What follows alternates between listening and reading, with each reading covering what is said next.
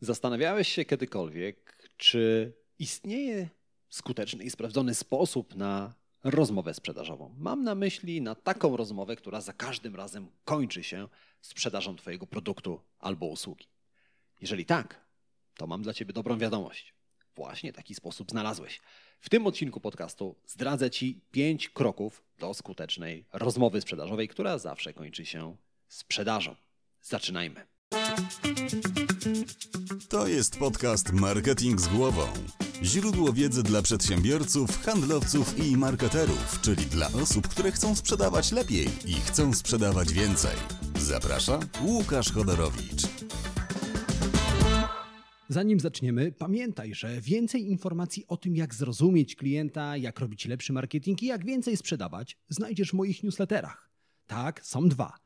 Jeden darmowy, drugi płatny. Linki do obu znajdziesz w opisie tego odcinka podcastu. Zerknij, poczytaj i dołącz do tysięcy przedsiębiorców, marketerów i handlowców, którzy co tydzień dostają zastrzyk wiedzy, dzięki której ich firmy rosną jak na drożdżach. Witam Cię w 54. odcinku podcastu Marketing z głową. Dla osób, które są w tym miejscu po raz pierwszy, przypominam, że w tym podcaście zaglądam do głów klientów i szukam odpowiedzi na pytanie, jak klienci kupują. Dlaczego tak bardzo mnie to interesuje? Ponieważ to, co znajdę w głowach klientów, wykorzystuję, aby pomóc Ci robić jeszcze lepszy marketing i żeby pokazać Ci, jak możesz sprzedawać więcej produktów i usług. A wiedza, którą dzielę się z Tobą w tym podcaście całkowicie za darmo, pochodzi z badań na temat marketingu, psychologii oraz mojego dziesięcioletniego doświadczenia w pracy z firmami takimi jak Twoje. Na początku takiej rozmowy z potencjalnym klientem musisz najpierw zjednać sobie tego klienta. Stosunek klienta do ciebie ma wpływ na przebieg dalszej rozmowy. Powiedzmy, że dwie osoby próbują sprzedać ci ten sam produkt, na przykład ubezpieczenie na samochód. Rzecz jasna, sama oferta jest ważna, ale nie bez znaczenia będzie również Twój stosunek do sprzedawców. Szczególnie jeżeli te dwie osoby sprzedają ci ten sam produkt. Teraz załóżmy, że pierwszy sprzedawca jest osobą w podobnym wieku co ty. Co ciekawe, okazuje się, że macie podobny gust, jeżeli chodzi o ubrania. Na rozmowę ubraliście nawet koszulę w tym samym kolorze. W trakcie rozmowy okazuje się, że łączy was jeszcze więcej. Na przykład oboje lubicie ten sam sport i oboje szalejecie na punkcie tego samego zespołu muzycznego. No a poza tym jadacie w tej samej restauracji. W czasie spotkania sprzedawca rzuca kilka całkiem inteligentnych i zabawnych żartów i okazuje się, że w trakcie rozmowy bawiłeś się lepiej aniżeli podczas kolacji ze znajomymi. Ostatecznie dziękujesz za ofertę i mówisz sprzedawcy, że aby podjąć świadomą decyzję o zakupie, musisz spotkać się z jeszcze jedną osobą i wysłuchać jego oferty. No ale obiecujesz, że bez względu na decyzję zadzwonisz i dasz znać. Nazajutrz spotykasz się z drugim handlowcem, który ani trochę nie przypomina tego pierwszego. Jest dużo młodszy od ciebie, nic was nie łączy, a żarty, które opowiada, bawią jedynie pająki w jego biurze. Ostatecznie ten sprzedawca nie robi dobrego wrażenia. Dziękujesz za spotkanie i mówisz, że odezwiesz się za kilka dni. Jak sądzisz, od którego sprzedawcy kupisz ubezpieczenie i do którego zadzwonisz z dobrą wiadomością? No jasne, do tego pierwszego. Dlatego tak ważne jest, abyś znał nastawienie klienta do Twojej osoby. Dlatego tak ważne jest, żebyś odczytał mindset klienta.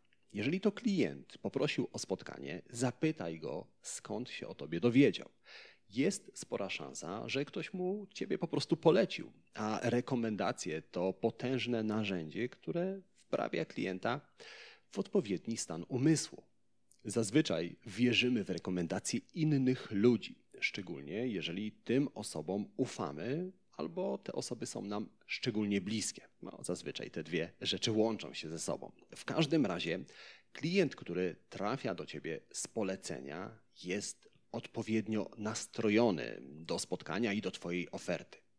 To oczywiście nie znaczy, że teraz będzie tylko z górki i w zasadzie możesz po prostu założyć nogę na nogę, a klient i tak od Ciebie kupi, ale chciałbym, abyś zrozumiał, że dobry mindset znacznie ułatwia sprzedaż.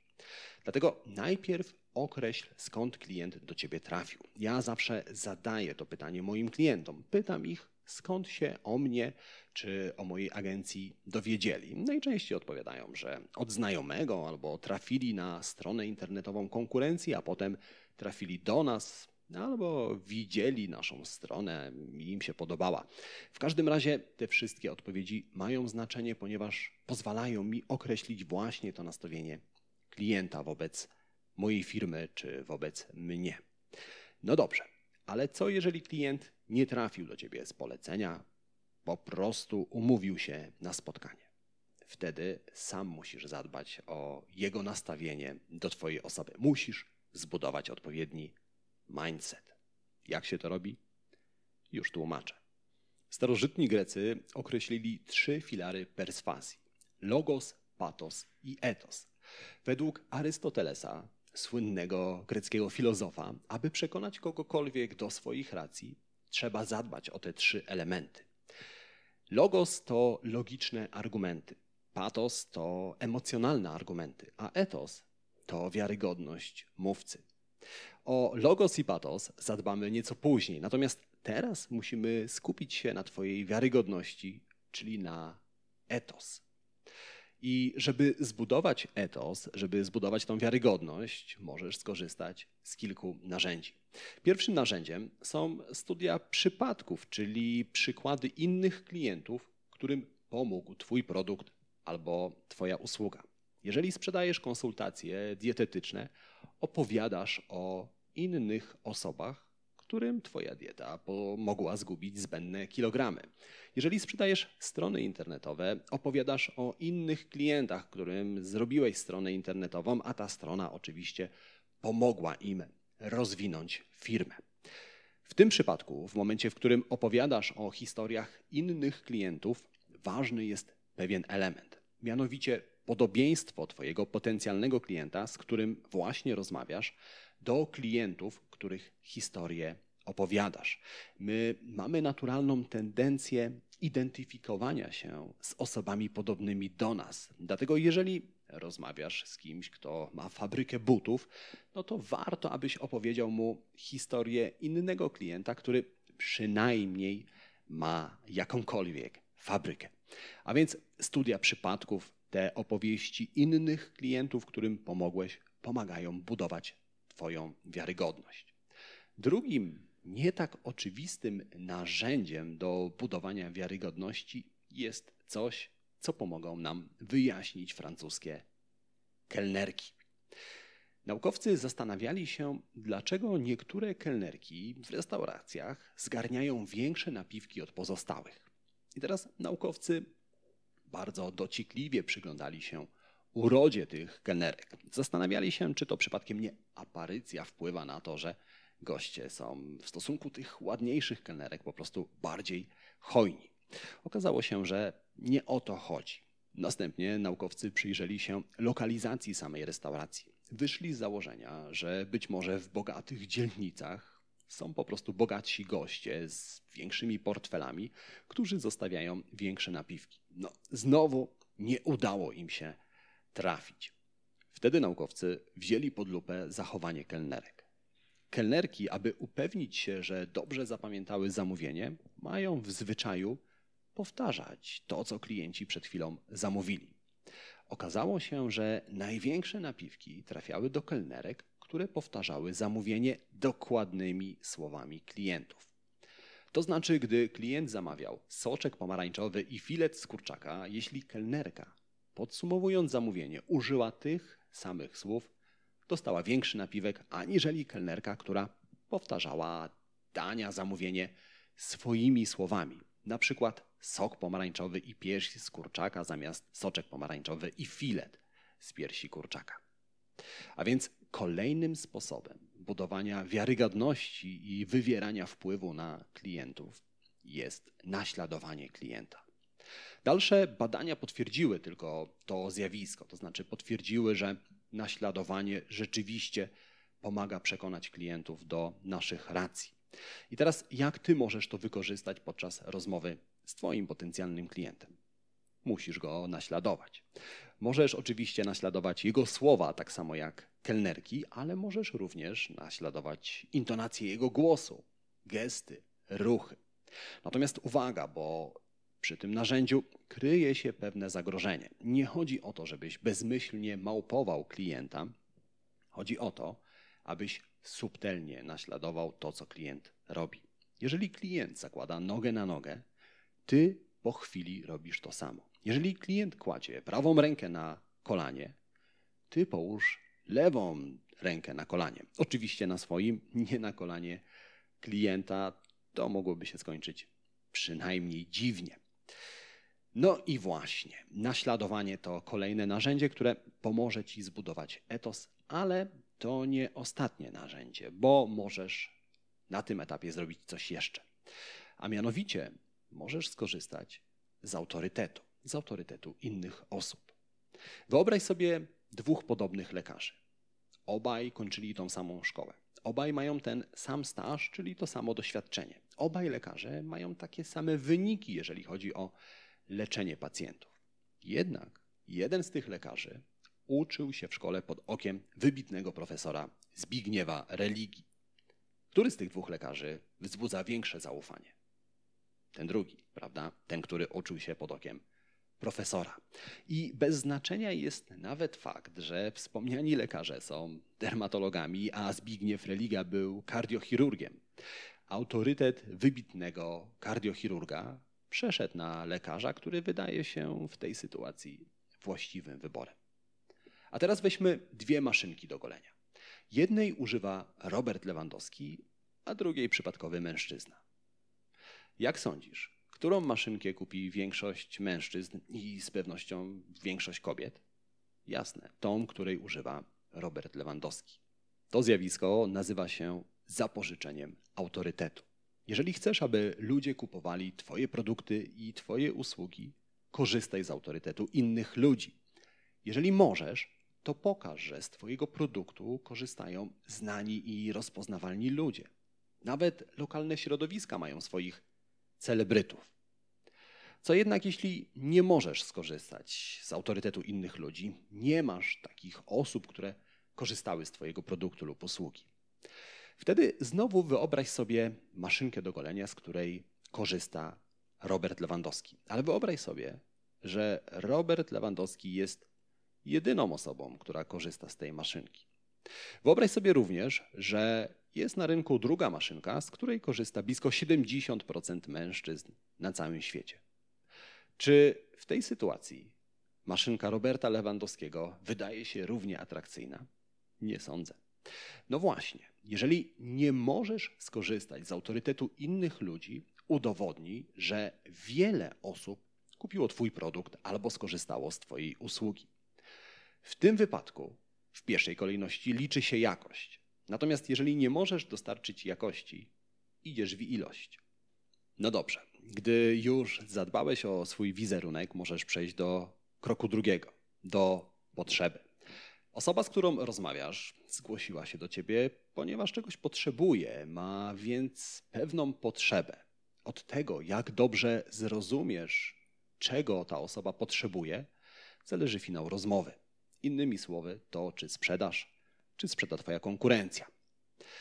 Jeżeli wiesz, czego klient chce, jest spora szansa, że mu to sprzedasz. Z drugiej strony, jeżeli klient chce kupić buty, a ty wciskasz mu skarpetki, no to z tej rozmowy ty najprawdopodobniej wyjdziesz boso. Rozpoznawanie potrzeb jest ważne z jeszcze jednego powodu. W trzecim kroku wykorzystasz technikę, którą nazywam malowaniem świetlanej przyszłości. To, czy umiejętnie wykorzystasz tą technikę, zależy od tego, jak dobrze odczytasz potrzeby klienta. Nie wybiegajmy jednak w przyszłość, skupmy się na potrzebach. Być może pomyślisz, że doskonale rozumiesz potrzeby Twojego klienta, w końcu prowadzisz salon piękności i wiesz, że klientki zgłaszają się do Ciebie, bo chcą się po prostu upiększyć i to jest ich potrzeba. Jeżeli prowadzisz restaurację i zgłasza się do Ciebie klient, który potrzebuje cateringu, no to wiesz, że ten klient potrzebuje jedzenia. Natomiast okazuje się, że sprawa nie jest tak prosta. Otóż klienci, którzy zgłaszają się do ciebie, mają dwie potrzeby. Ta, którą przed chwilą zidentyfikowaliśmy, to potrzeba pozorna. Jednak ty musisz znaleźć potrzebę, która kryje się głębiej, która jest potrzebą faktyczną i która jest ważniejsza od potrzeby pozornej. Jak wobec tego znaleźć potrzebę faktyczną? Musisz pociągnąć klienta za język. Musisz zadać klientowi pytanie, dlaczego przyszedł do ciebie, dlaczego właśnie teraz zgłosił się do ciebie. Dietetyk, który sprzedaje konsultacje dietetyczne, powinien zapytać swoją klientkę, dlaczego właśnie teraz chce schudnąć. I wobec tego może się okazać, że klientka za trzy miesiące ma ślub i marzy o tym, aby zmieścić się w swoją wymarzoną suknię ślubną. Do stolarza, który produkuje meble, zgłasza się małżeństwo, które tylko pozornie potrzebuje mebli do kuchni. Może się okazać, że to małżeństwo spodziewa się dziecka i właśnie kupili nowy dom, który chcą wyposażyć. A więc potrzeba faktyczna znajduje się dużo, dużo głębiej pod potrzebą pozorną. Dlatego czasami trzeba to pytanie dlaczego zadać więcej niż raz, zanim dokopiesz się do potrzeby faktycznej. Skąd wobec tego będziesz wiedział, że znalazłeś tą właściwą potrzebę i że możesz przestać kopać? Gdy potrzeba wpada do jednej z trzech kategorii: zdrowie, uznanie i pieniądze. Pod koniec dnia wszystko, co robimy, każdą decyzję, którą podejmujemy, prowadzi nas do jednej z tych trzech rzeczy: do zdrowia, do uznania i do pieniędzy. A więc, jeżeli potrzeba, którą odkopałeś, wpasowuje się w którąś z tych trzech kategorii, to znaczy, że znalazłeś potrzebę faktyczną i możesz przejść do trzeciego kroku do budowania wartości. Świetnie. Zbudowałeś już odpowiedni wizerunek, swój wizerunek w głowie klienta. Znasz również potrzeby klienta, zarówno tą pozorną, jak i faktyczną. Czas więc zadbać o wartość Twojego produktu i zbudować tą wartość w głowie klienta. Być może słyszałeś, że klienci kupują emocjami, ale potrzebują logicznych argumentów, aby te emocjonalne zakupy przed sobą usprawiedliwić. Wobec tego wykorzystajmy tą właściwość. Będziemy do tego potrzebowali dwóch pozostałych filarów perswazji, czyli patos emocji oraz logos logicznych argumentów. Wobec tego mam kilka narzędzi, które Ci w tym pomogą. Pierwszym narzędziem jest UPS. UPS, czyli unikalna propozycja sprzedaży. To jedna rzecz, która wyróżnia Cię na tle konkurencji. Na tym etapie musisz klientowi dostarczyć tą jedną rzecz, która pomoże mu usprawiedliwić w logiczny sposób zakup. Przykład. Wyobraź sobie dwie szkoły językowe. Obie szkoły uczą języka angielskiego. W obu szkołach uczą natywni speakerzy. Obie szkoły są na rynku równie długo, a więc mają podobne doświadczenie w tym, co robią. Jednak jedna ze szkół uczy angielskiego autorską metodą. Wobec tego większość klientów zdecyduje się na lekcję właśnie w tej szkole. To właśnie UPS tej szkoły. Unikalna propozycja sprzedaży. Coś, co wyróżnia szkołę na tle konkurencji. Ta unikalna metoda stanowi unikalną propozycję sprzedaży. I teraz w Twoim wypadku unikalną propozycją sprzedaży może być na przykład metodologia, czyli sposób, w jaki świadczysz usługi albo wytwarzasz swoje produkty. Jeżeli dietetyk ma autorską dietę lub fabryka okien jako jedyna w okolicy produkuje okna wykorzystując konkretną technologię, to obie firmy właśnie znalazły swoją unikalną propozycję sprzedaży. Ale unikalną propozycją sprzedaży może być również ekspertyza. Jeżeli jesteś ekspertem w danej dziedzinie i potrafisz to udokumentować, to również znalazłeś swój wyróżnik. Jeżeli jesteś księgowym i jako jedyny księgowy na Twoim rynku kończyłeś studia na Harvardzie, no to wyróżniasz się na tle konkurencji i znalazłeś swoją unikalną propozycję sprzedaży. UPS to również gwarancja. Kiedyś Lidl gwarantował najniższą cenę na niektóre produkty albo zwrot pieniędzy. W ten sposób, w tym momencie, Lidl wyróżniał się na tle pozostałych dyskontów.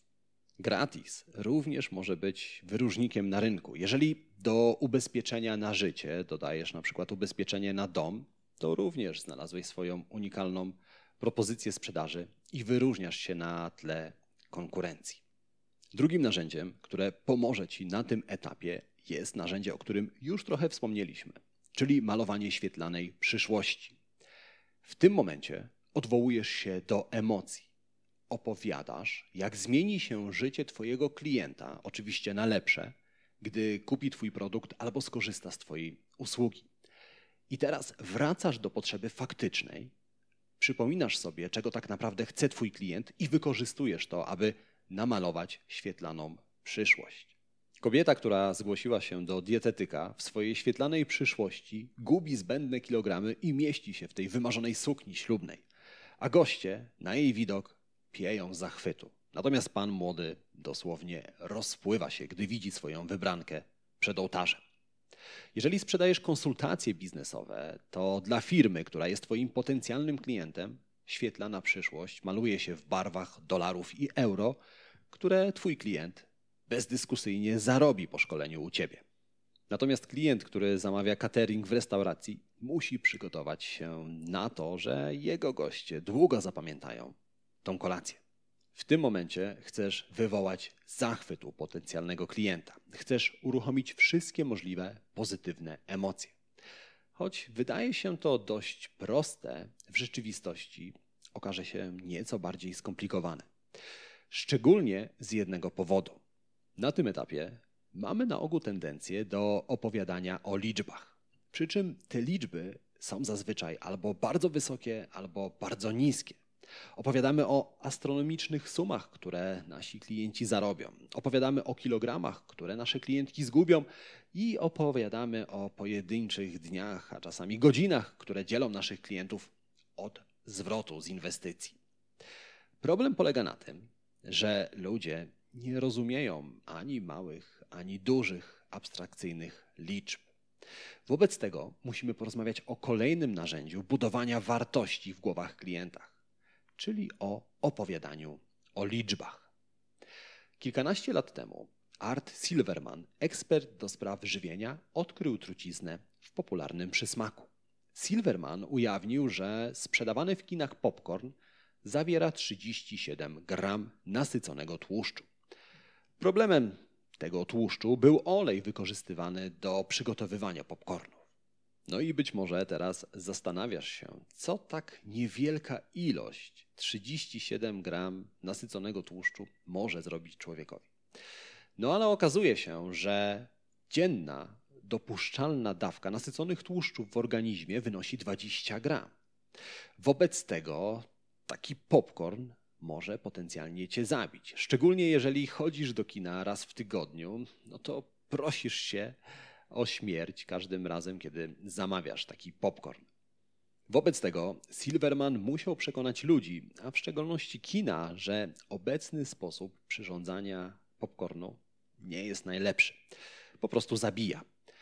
Jednak jak przekonać ludzi do czegokolwiek, jeżeli jedynym argumentem, który masz do dyspozycji, jest 37 gram tłuszczu?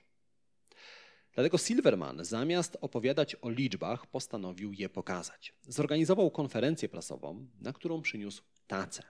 Na tacy znajdowały się jajka na bekonie, ociekające tłuszczem frytki, podwójny burger oraz spora ilość ziemniaków z żeberkami. Silverman wykładał każde danie na stół i opowiadał o tym, że ilość nasyconych tłuszczy, które znajdują się w popcornie, odpowiada bądź co bądź tym niezdrowym daniom, które Silverman właśnie wyłożył przed publicznością. Mówiąc inaczej, w jajkach na bekonie, w tłustych frytkach i podwójnym burgerze oraz w żeberkach z ziemniakami znajduje się tyle samo zabójczego tłuszczu, ile w średnim opakowaniu popcornu. Konferencję Silvermana obejrzały setki tysięcy ludzi. Kolejne miliony obejrzały retransmisje w internecie. W efekcie ludzie przestali kupować popcorn w kinach, a właściciele kin zostali zmuszeni do zmiany sposobu przygotowywania kukurydzy. Czy Silverman wywołałby taki sam efekt, gdyby po prostu powiedział ludziom: Popcorn zawiera 37 gram nasyconego tłuszczu, ten tłuszcz was zabija? Wątpię. Wobec tego, jak opowiadać o liczbach, aby przekonać klientów do zakupu? Przede wszystkim pokazuj liczby w odniesieniu do czegoś, co klient zna i rozumie. Art Silverman pokazał ludziom 37 gram tłuszczu w sposób, który ludzie rozumieli. Pokazał go na zasadzie dań, które każdy najprawdopodobniej przynajmniej raz w życiu jadł. Poza tym porównuj liczby ze sobą. Jeżeli remontujesz dom, powiedz klientowi, że inna firma w tym samym czasie wymaluje jeden pokój, natomiast ty wymalujesz trzy pokoje.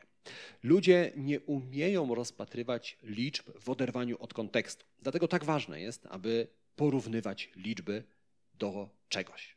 Najlepiej do czegoś, co klient zna i rozumie. Poza tym osadzaj liczby w kontekście. Jeżeli twój klient chce schudnąć, zamiast mówić klientowi, że schudnie za 90 dni czy za 3 miesiące, po prostu powiedz klientowi, że schudnie do wakacji.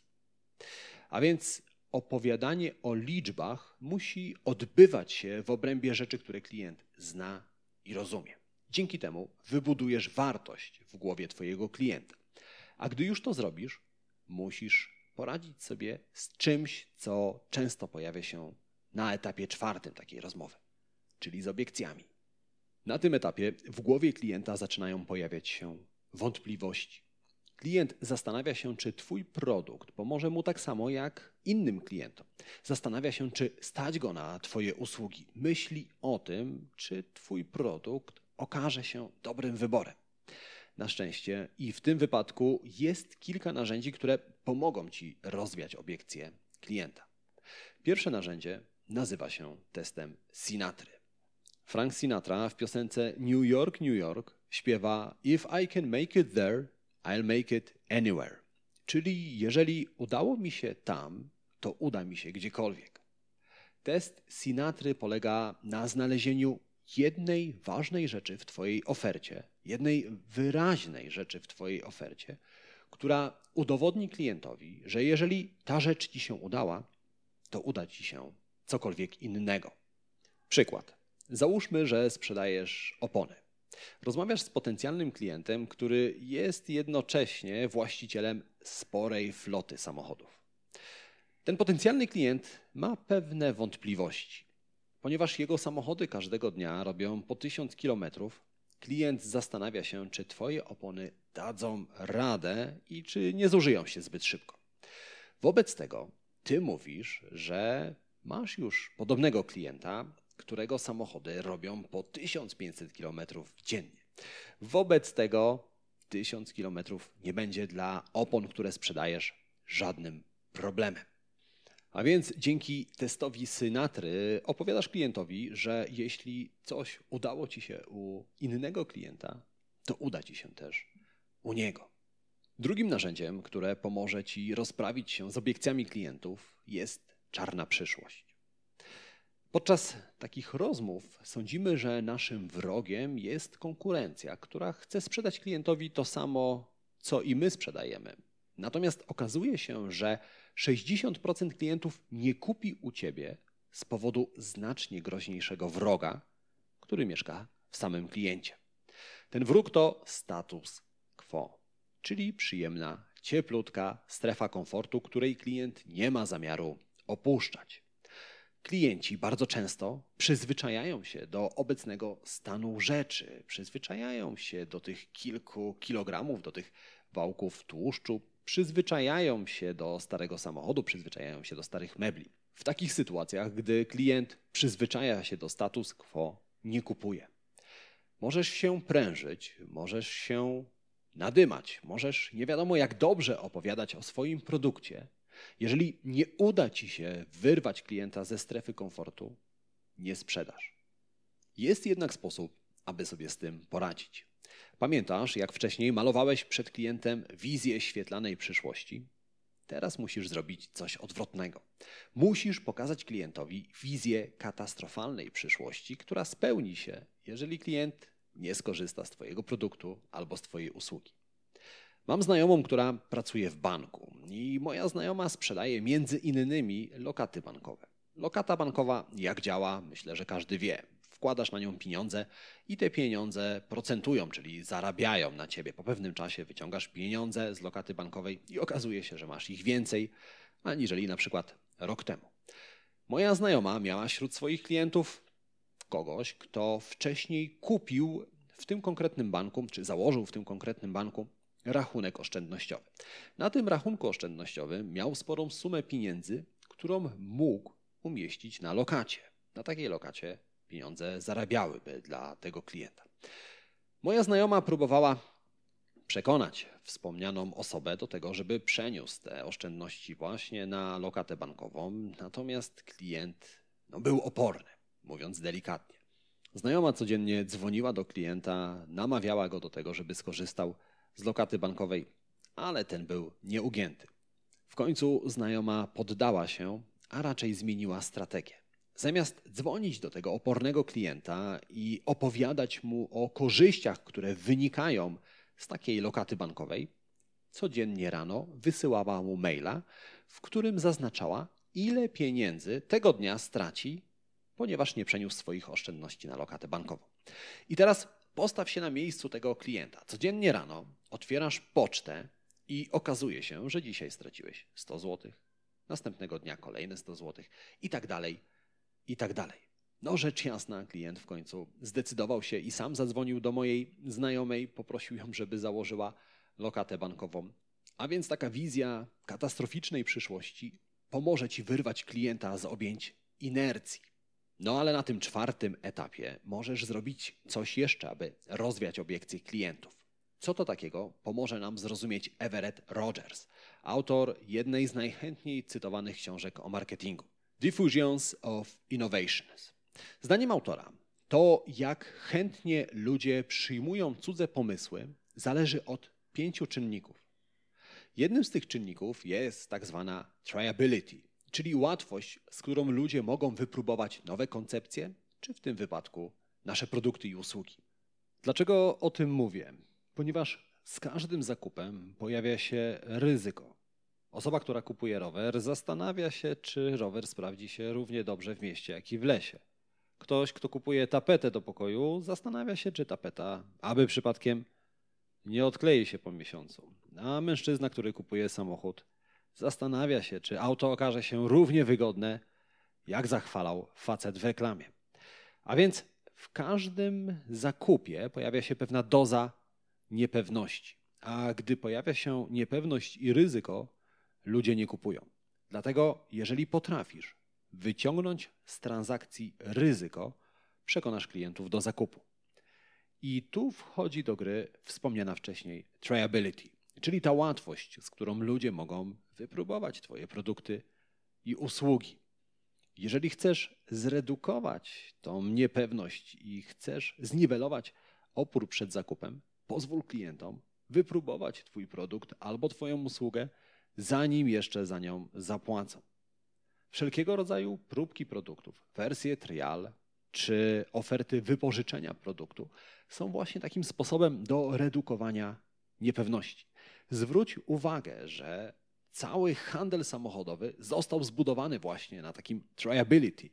Klient, zanim kupi samochód, może zabrać go ze sobą do domu na dzień, a nawet na tydzień i przekonać się, czy aby przypadkiem coś tam nie skrzypi, czy wszystko działa tak, jak należy.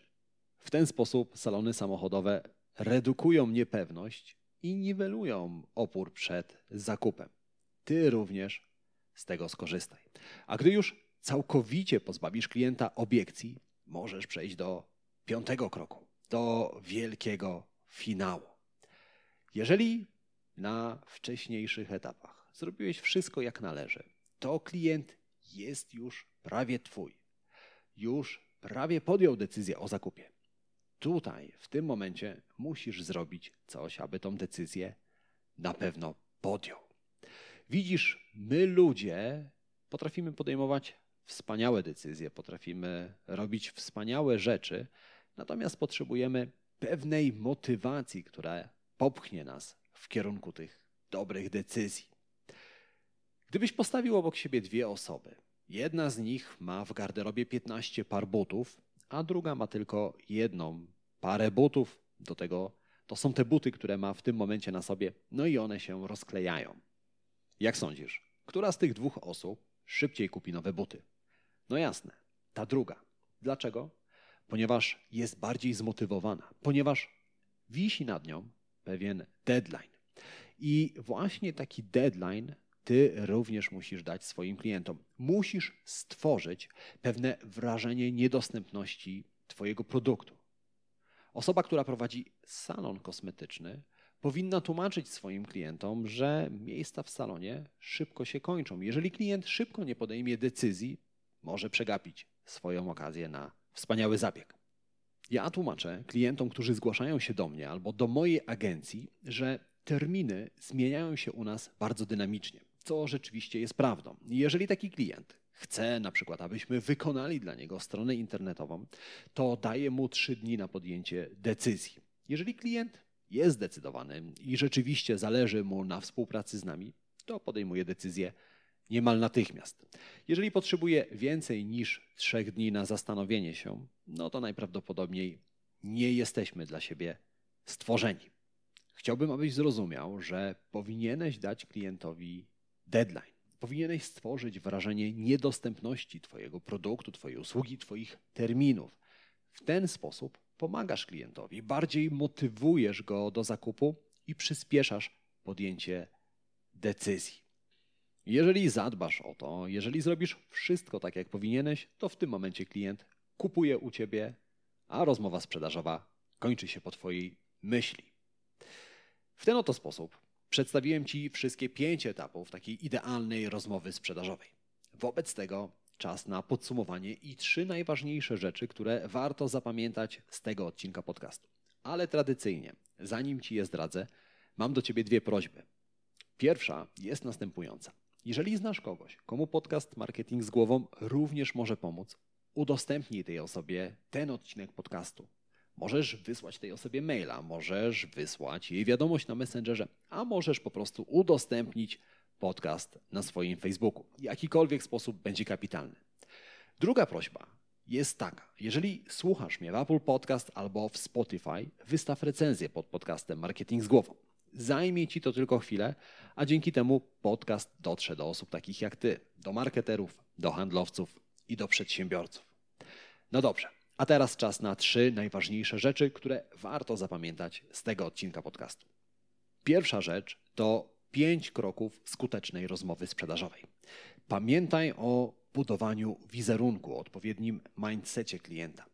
Pamiętaj o potrzebach, zarówno tych oczywistych, jak i tych trochę głębiej schowanych. Pamiętaj o budowaniu wartości Twojego produktu, pamiętaj o rozwiewaniu obiekcji, no i pamiętaj o wielkim finale, czyli o stworzeniu niedostępności Twojego produktu. Po drugie, pamiętaj o tym, że odpowiednie nastawienie klienta, ten odpowiedni mindset może zdziałać cuda. Dlatego bardzo mocno przyłóż się do tego pierwszego kroku idealnej rozmowy sprzedażowej. I po trzecie, pamiętaj o tym, aby stwarzać wrażenie niedostępności. Musisz dać klientom deadline, aby klienci podjęli decyzję. Jeżeli zadbasz o te wszystkie rzeczy, gwarantuję Ci, że każda, a przynajmniej większość rozmów sprzedażowych potoczy się po Twojej myśli. A na dzisiaj to wszystko. My, jak zwykle, słyszymy się za kilka dni w kolejnym odcinku podcastu Marketing z głową, a tymczasem życzę Ci udanego dnia, kapitalnego tygodnia, wszystkiego dobrego, do usłyszenia, do zobaczenia. Cześć.